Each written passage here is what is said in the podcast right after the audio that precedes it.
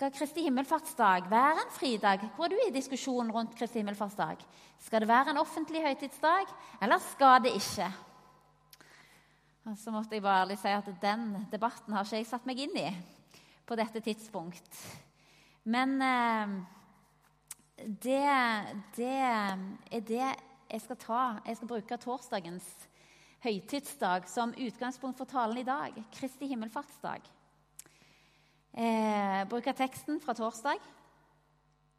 Og Det er fascinerende med Kristi himmelfartsdag, eh, for jul, den forstår jeg. Påske forstår jeg.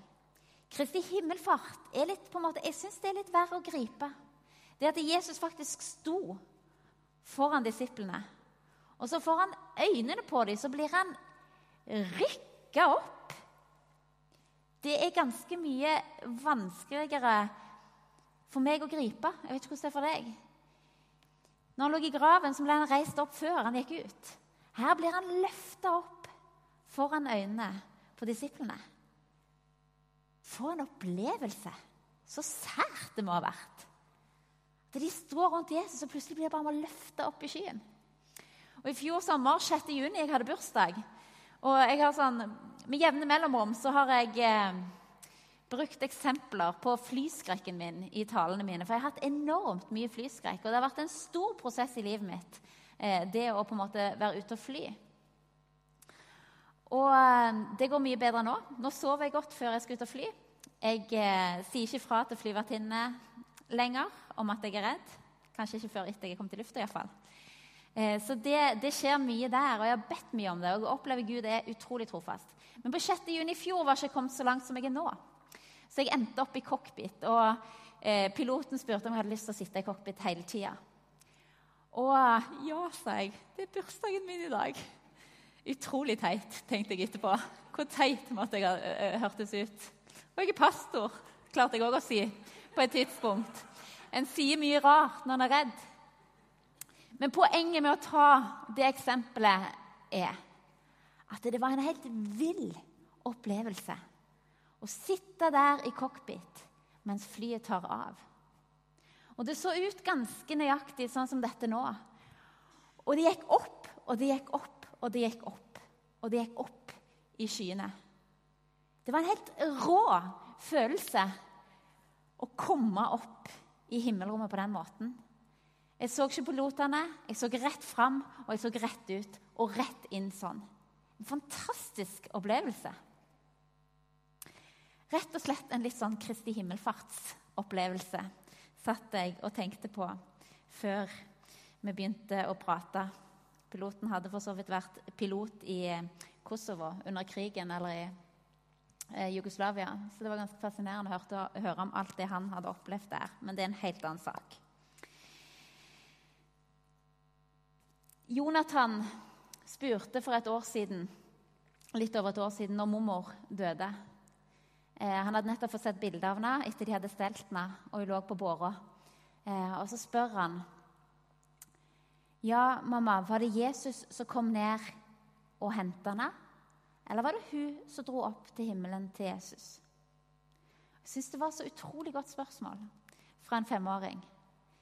Eh, hvordan skjedde det? Hvordan var det? Jeg hadde ikke et veldig godt svar å gi han der og da. Men vissheten og tryggheten på at Jesus har en løsning på alle disse tingene om oppfart og nedfart og hele den biten der, er trygt å ha. Eh, vi skal ikke lese teksten fra Lukas, nei, eh, Apostelens gjerninger. Jeg har lyst til å lese teksten sånn som den står beskrevet i Lukas 24 fra eh, Kristi himmelfartsdag. Jesus hadde spist, hatt måltid med disiplene sine. Eh, han hadde gått omkring på jorda i 40 dager, gitt seg til kjenne, berørt og talt, og hatt fellesskap med dem. Og nå var tida kommet. Og han sier til dem etter de har spist Det var dette jeg talte om da jeg ennå Det er Lukas 24, vers 44 og utover. Det var dette jeg talte om da jeg ennå var sammen med dere, og sa at alt måtte oppfylles som står skrevet om meg i Moseloven, hos profetene og i salmene. Da åpnet han deres forstand, så de kunne forstå Skriftene. Og han sa til dem, slik står det skrevet, Messias skal lide og stå opp fra de døde tredje dag. Og i hans navn skal omvendelse og tilgivelse for syndene forkynnes for alle folkeslag. Dere skal begynne i Jerusalem. Dere er vitner om dette. Og se, jeg sender over dere det som min far har lovet. Men dere skal bli i byen til dere blir utrustet med, det, med kraft fra det høye. I Apostelens gjerninger så står det her dere skal vente til at jeg sender Den hellige ånd. Men her står det dere skal bli i byen til dere blir utrustet med kraft fra det høye. Og så førte han dem ut mot Betania. Og han løftet hendene og velsignet dem. Og mens han velsignet dem,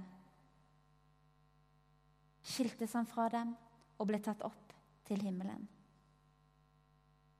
Mens han velsignet dem, skiltes han fra dem og ble tatt opp til himmelen. De falt på kne, og de tilba ham.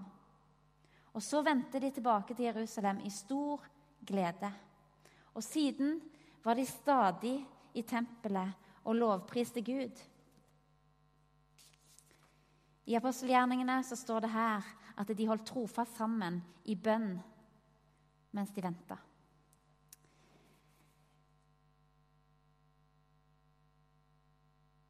Jeg ble gjort oppmerksom av eh, Torfinn her når vi leste teksten på torsdag.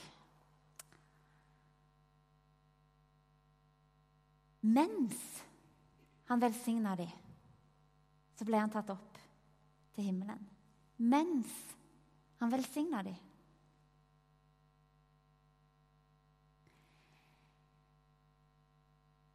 Han avslutta ikke velsignelsen før han ble rykka opp.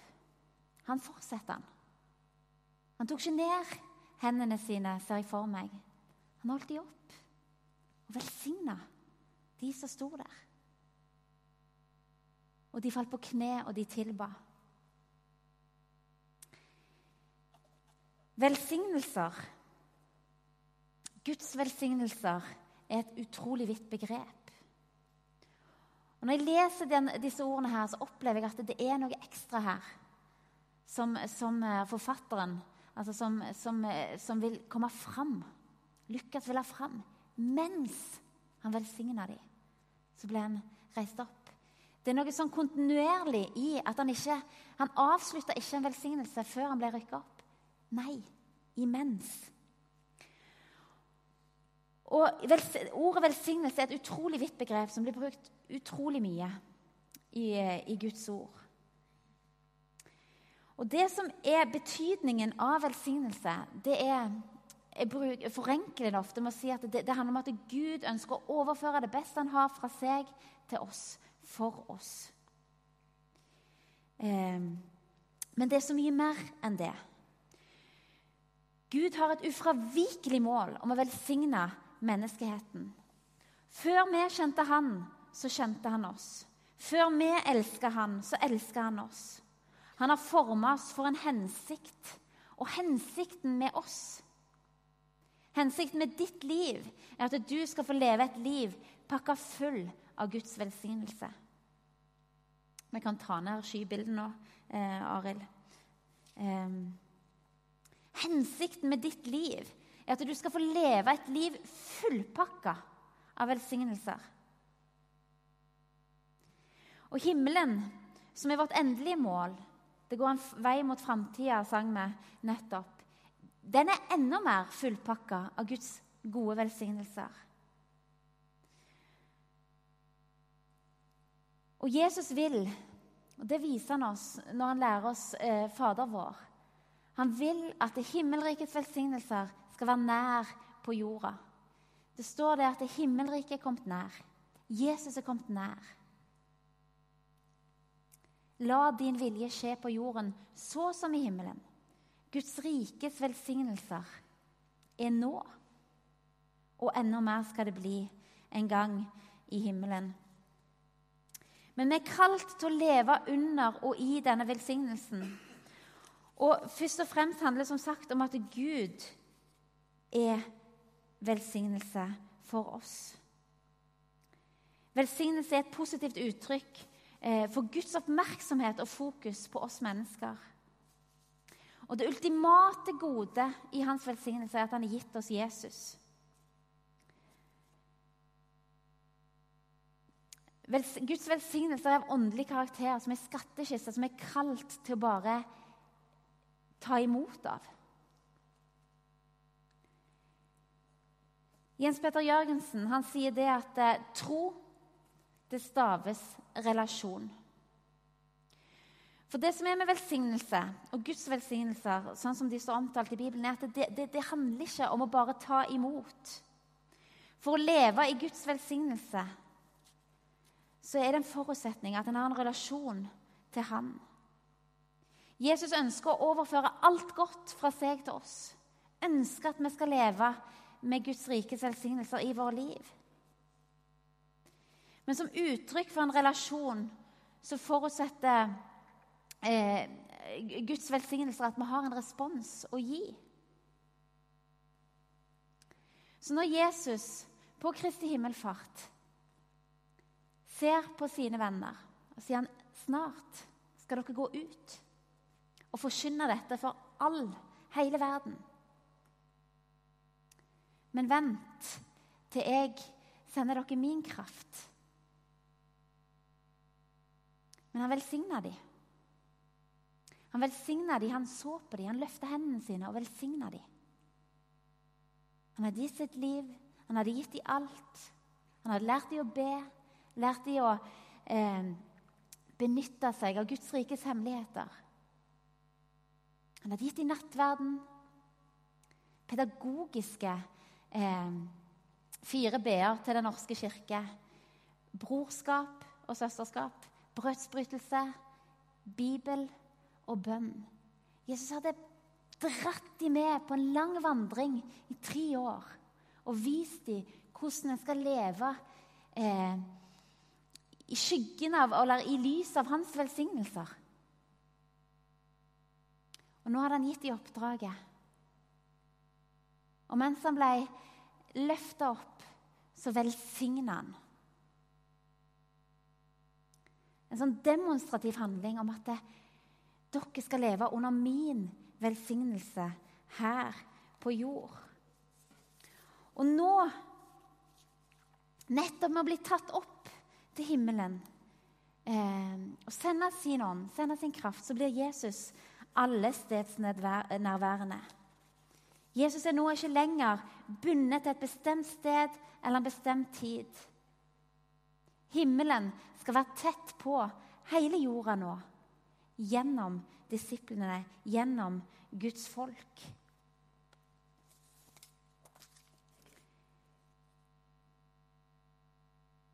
Men det forutsetter å leve under den eh, velsignelsen forutsetter den relasjonen som Jesus hadde bygga med disiplene over så eh, mange år som tre år er. Det forutsetter at de lever i relasjon. Og hva var det de umiddelbart gjorde når han var blitt løfta opp? Jo, de gjorde som han sa. De dro inn til Jerusalem, og de venta. Og mens de venta, så praktiserte de. De praktiserte fellesskapet, brorskapet. Og de praktiserte bønnen. og de lovpriste. Eh, Guds velsignelse eh, altså Velsignelse betyr på hebraisk og gresk så har det mange dimensjoner. Men det konkrete oversettelsen kan også knyttes til lovprisning. Altså menneskers lovprisning til Gud. Um, og Det var nettopp det disiplene òg gjorde. De var stadig i tempelet og lovpriste Gud, sto det i teksten. Altså Som uttrykk for en relasjon så forutsetter dette med Guds velsignelse òg en bestemt respons fra mottakeren. Og nettopp at ordet betyr lovprisning, blir en viktig pekepinn på at relasjonen mellom oss og Gud er viktig.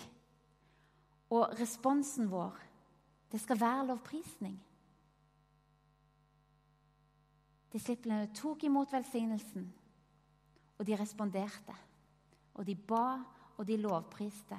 De hadde fellesskap med Gud. I Efeserbrevet 1, vers 3, så står det Velsignet er Gud, vår Herre Jesu Kristi Far, Han som i Kristus har velsignet oss med all åndens velsignelse i himmelen. Og Her ser vi den relasjonelle to, tosidigheten i ordet velsignelse. I gamle oversettelsen står det 'lovet være Gud'. I 2011-oversettelsen står det 'velsignet er Gud'. Så vi også skal også velsigne Guds navn. Vi skal love Guds navn. Han som har gitt oss all åndens velsignelse, og han som i Kristus har velsigna oss. Så det er en sånn tosidig relasjon i forhold til ordet velsignelse. Vi som mottakere skal ta imot Guds velsignelse. Det er all god gave fra Han til oss. Men så skal vi òg respondere med lovprisning, med lydighet, med den relasjonen Gud kaller oss inn i. Tro staves relasjon. Og så er det òg en tredje ting med velsignelse som er viktig å ha med seg. I Fjerde Mosebok, eh, kapittel 6, så står det om opprinnelsen til den velsignelsen vi lyser på gudstjenesten her hver søndag. Den aronittiske eh, velsignelsen. Herren sa til Moses.: Tal til Aron og sønnene hans og si:" Slik skal dere velsigne israelittene. Dere skal si til dem:" Herren velsigne deg og bevare deg. Herren la sitt ansikt lyse over deg og være deg nådig. Herren løfte sitt ansikt mot deg og gi deg fred. De skal sette mitt navn på israelittene, og jeg vil velsigne dem. Eh, litt tidligere så står det om denne, når denne blir praktisert. Aron løfta hendene over folket og velsigna dem. Så i 3. Mosbok 9. Så gikk han ned, og etter han hadde båret fram syndoffer og brennoffer og fredsofre. Deretter gikk Moses og Aron inn i telthelligdommen. Da de kom ut igjen, velsignet de folket og Herrens herlighet viste seg for hele folket. Det for ut ild fra Herren og fortærte det som var på eh, alteret, både brennofferet og fettet. Og da folket så det, ropte de høyt av glede og kastet seg ned med ansiktet mot jorden. Litt det samme som skjedde med disiplene. Når folket så det, ropte de høyt av glede og kasta seg ned med ansiktet mot jorda. De hadde fått Guds velsignelse og Guds kraft og Guds ånd. Herre, Herrens herlighet viste seg for hele folket. Og det for ut ild fra Herren og fortærte det som var på alteret. Ser dere linken? Når Gud velsigner, så velsigner han. Det er snakk om hans herlighet, hans kraft, hans nåde, hans sannhet. Hans, hans mektige storhet som blir åpenbart for oss. I Det gamle testamentet så var det med at øverstepresten Aron velsigna. Og Gud manifesterte seg med sin kraft, med ild. Når Jesus ble tatt opp for at han ved sin ånd kunne være alt, overalt, over alle. Så velsigna han en vedvarende velsignelse mens han ble tatt opp. Han hadde gitt beskjed til disiplene gå og vent. Og de var i bønn, de var i tilbedelse og med lovprisning. De lå på sine knær.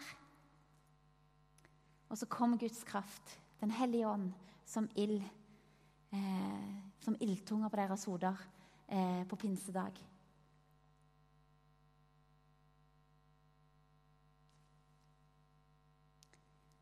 Første Peters brev står det dere er en utvalgt slekt, et kongelig presteskap, et hellig folk, et folk som Gud har funnet et, et, som, eh, et, folk som Gud har vunnet, for at dere skal forkynne Hans storverk, Han som kalte dere fra mørket og inn i sitt underfulle lys.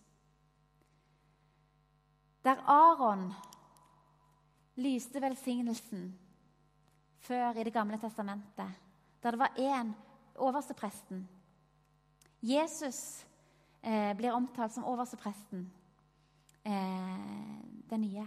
Og vi er presteskapet, står det i Peters brev her. Nå skal vi lyse velsignelsen videre, men under Jesu løftede hender. Dere er en utvalgt slekt, et kongelig presteskap, et hellig folk, et folk som Gud har vunnet, for at dere skal forkynne Hans store verk.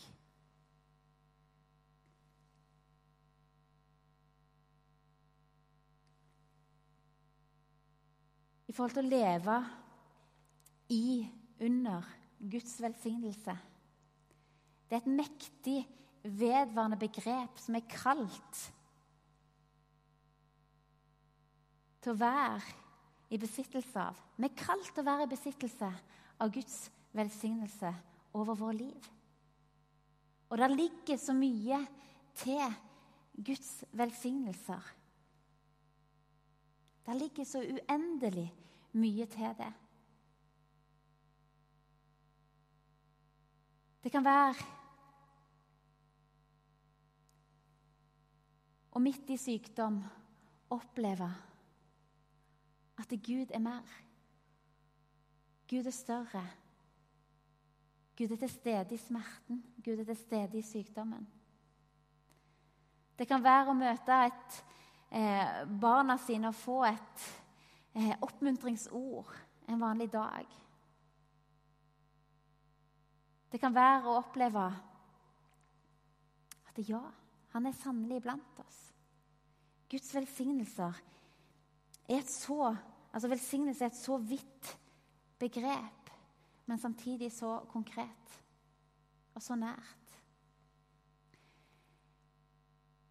For noen år siden, så, når IS eh, opererte på det aller verste, så husker jeg det kom en, en sånn eh, liten slide på, på Facebook med en rekke menn kledd i oransje dresser og hette over hodene på ei strand. Og disse mennene eh, var eh, tidligere eh, gutter som eh, gjennom mamma Maggie, ei, ei, egyptisk kristen kvinne som har hatt en sterk tjeneste blant gatebarn i Kairos gater. Eh, hun betjener de, møter dem. Eh, barna blir tatt vare på, de blir varetatt. De får mat, de får klær, og de møter Jesus gjennom hennes tjeneste og hennes store arbeid i Kairos gater. Og Disse mennene var tidligere sånne gutter som hadde møtt Jesus gjennom mamma Maggie sitt arbeid. Eh, hun kommer for så vidt snart til Norge igjen. Eh, eh, men de, de, de kjente Jesus, brant for sannheten. Og så var de reist til Libya eh, for å jobbe. Og der ble de tatt av IS. Og nå var de dømt til døden. Og så ble de lina opp, alle sammen, på stranda. Og um, bøddelen spør den første over, overgir du deg. Eh, fornekter du eh, Jesu navn? Overgir deg til islam? Førstemann sa nei, og han ble kutta strupen på. Og Så forventer nok bøddelen da at når, eh, når, de har på en måte demonstrert hva som skjer hvis du ikke overgir deg til, til, til, islam første gang, så forventer de at de andre skal gi seg, fordi det er så redselsfullt og brutalt. Men én etter én så bekjente de Jesu navn. Og Så kommer de til den siste. Eh, og Han var ikke en del av denne gjengen. Han var, en, eh, han var ikke kristen. Eh, han var fra et annet land. Og så spør de han. Og hans ord eh, er disse. Deres Gud skal være min Gud. Jeg tror på Han de, jeg vil gi meg til deg, er han som disse tror på. Og så ble han òg eh, drept for sin tro. Men hva dette med velsignelser gjør, det kan vi spørre oss. Eh, var de under Guds velsignelse? Levde de etter Guds velsignelse? Ja, så absolutt. De hadde erfart det så sterkt at de var villige til å dø for det. Og elleve av tolv apostler ble òg drept for sin tro. Alle utenom Johannes eh, døde for troa si. For rikdommen og kraften og styrken i det livet de hadde levd i velsignelsen, Jesu velsignelse Rikdommen av å kjenne Gud. Så var overbevisningen så stor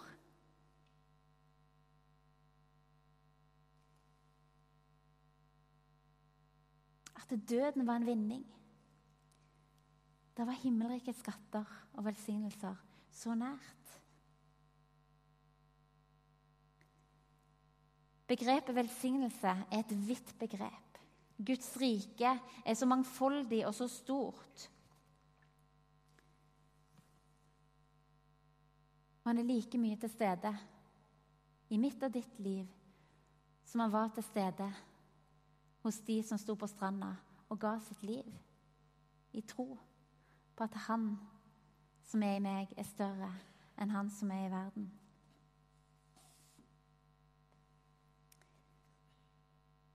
Jesus kaller oss til å være til velsignelse for hverandre.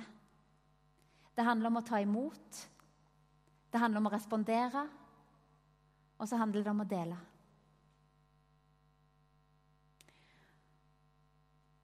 Og vi som er kalt til livet med Han. Vi må ha relasjon. Vi er kalt til å velsigne hverandre og være til velsignelse.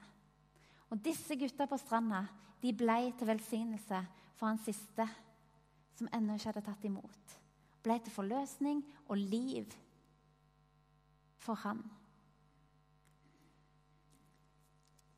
Jeg vet ikke hvordan det er med deg, men hva tid opplevde du sist å være til velsignelse for noen rundt deg?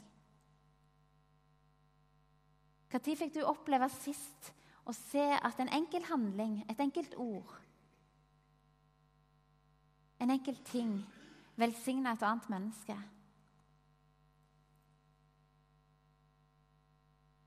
Å velsigne noen i Jesu navn. Og gjøre det med å gi. Gjøre det med å be. Gjør det med å komme til en med en oppmuntring. Det skaper. Og det, og, det, og, det, og det, skaper tro. Det skaper liv.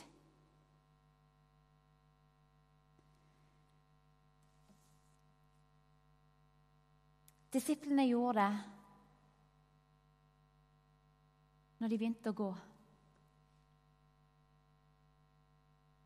Peter sa til den lamme mannen, 'Gull eller sølv, det har jeg ikke. Men det jeg har, vil jeg gi deg. I Jesu navn, reis deg opp og gå. For en gave! Gull eller sølv har jeg ikke, men det jeg har, vil jeg gi deg.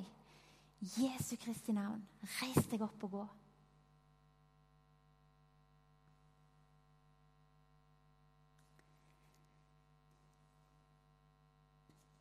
Vi har fått noe som er mer dyrebart enn gull og sølv. Og vi er kalt til å gå ut og gi det til mennesker. Vi er kalt til å gå ut og velsigne. Og her er timing viktig. Jesus hadde bedt dem om å vente på at han skulle sende sin ånd. Og de var utholdende i bønn i påvente av det som skulle skje. Og Det er òg en viktig ting vi kan ta med oss. Dette med å våge å vente på Gud. Jesus sa 'be, så skal dere få'. 'Leit, så skal dere finne'. Ja, be, så skal vi få. Ta del i mer av Guds rikes hemmeligheter. Han sier òg 'let, så skal dere finne'. Og når vi ber, så vil vi få, men noen ganger så må vi lete litt og vente litt før vi finner svar. Og Det er noen hemmeligheter her. Hadde disiplene satt av gårde og begynt det oppdraget Jesus hadde gitt dem, før tida var inne, før han hadde sendt sin ånd, så tror ikke jeg vi hadde vært her vi er i dag. Og Sånn er det òg med hvordan vi lever våre kristenliv i og under hans velsignelse. Når vi opplever at Gud kaller oss til noe, eller når det er noe vi ber om, så er iallfall jeg sånn at jeg fort blir utålmodig. Eh, det å vente på svar er ufattelig frustrerende. Og jeg ser det igjen og igjen, både i Guds rike, eh, i menigheter, i eh, mennesker jeg følger sitt liv, og i mitt eget liv. At fristelsen er så stor til å begynne å gå før tida er inne. Eller til å finne en løsning istedenfor å vente på Guds løsning. Det er så fort gjort. Men vi ser det òg i ordet. At hvis en ikke våger å vente på svar, på det som er Guds svar, ah, så blir det litt feil. Og Her er det noen nøkler som jeg tror vi som kirke, som enkeltpersoner, som etterfølgere må øve oss opp i.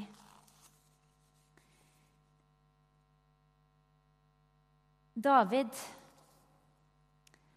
som Gud hadde valgt til å overta etter Saul David var etter Guds hjerte.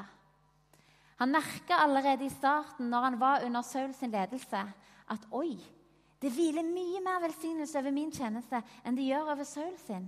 Jeg skal jo bli konge. Jeg har blitt salva som konge allerede av Samuel. Hadde han pusha på og sprunget foran Gud, så hadde det ikke blitt sånn som det blei. Men David valgte å være lydig og være tro og vente. Og du som han var på vent. Saul gikk jo etter livet på Han ville ha han til livs. Kasta spyd etter han prøvde å drepe han utallige ganger. Og David dukka unna hver eneste gang og trakk seg tilbake, for han visste at tida ikke inne for at jeg skal inn i det som jeg er kalt til. Sånn er det med oss òg. Når Gud har noe for oss, så er det så viktig å ikke gå inn i det før den rette timinga er der. For da springer vi foran Gud, og da blir det som regel rot.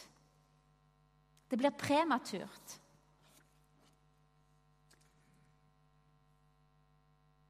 De som har født premature barn, vet at det er når et barn blir født før tida. Og Hvis det er ekstremt prematur, så er huden tynn. Pusten fungerer ikke sånn som den skal. Organet fungerer ikke. Det, det er så skjørt. På samme måte er det hvis vi springer foran Gud kan være vi tar med oss stykker og bruddstykker av, av det som, som, ligger for oss, som vi har bedt om.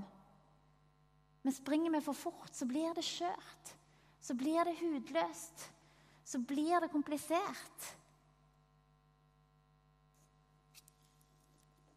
Det kan gjelde de store linjene som handler om menighetens vei og, og retning. Men det handler òg om våre liv. kommer ikke det bønnesvaret det jeg har bedt om, det behovet jeg har, fort nok eller på den måten jeg ville, så ah, da tar jeg heller styringa sjøl. Så blir det hudløst. Så blir det skjørt. Så overlever det kanskje ikke. Men hvis vi venter på Gud, på at tiden er der, da er det et sterkt og friskt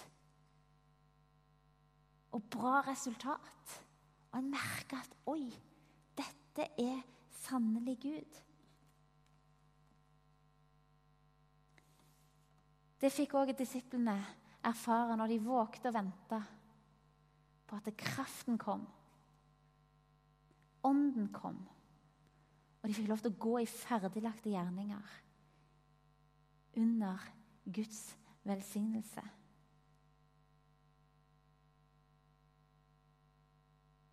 Det står det i 1. Korinterbrev 4 at Guds rike består ikke i ord, men i kraft. Og I romerbrevet så står det for Guds rike består ikke i mat og drikke, men i rettferdighet, fred og glede i Den hellige ånd. Den som tjener Kristus på denne måten, er til glede for Gud og blir respektert av mennesker, står det i Romerbrevet 14, 17. Vi er kalt til et liv i velsignelse. Vi er kalt til et liv i lydighet og lovprisning. Og vi kalt til et liv i relasjon med hverandre. Og over alle disse tre hviler Guds velsignelse. En vedvarende velsignelse. Vi skal høre en sang før vi går videre i brødsbrytelsen.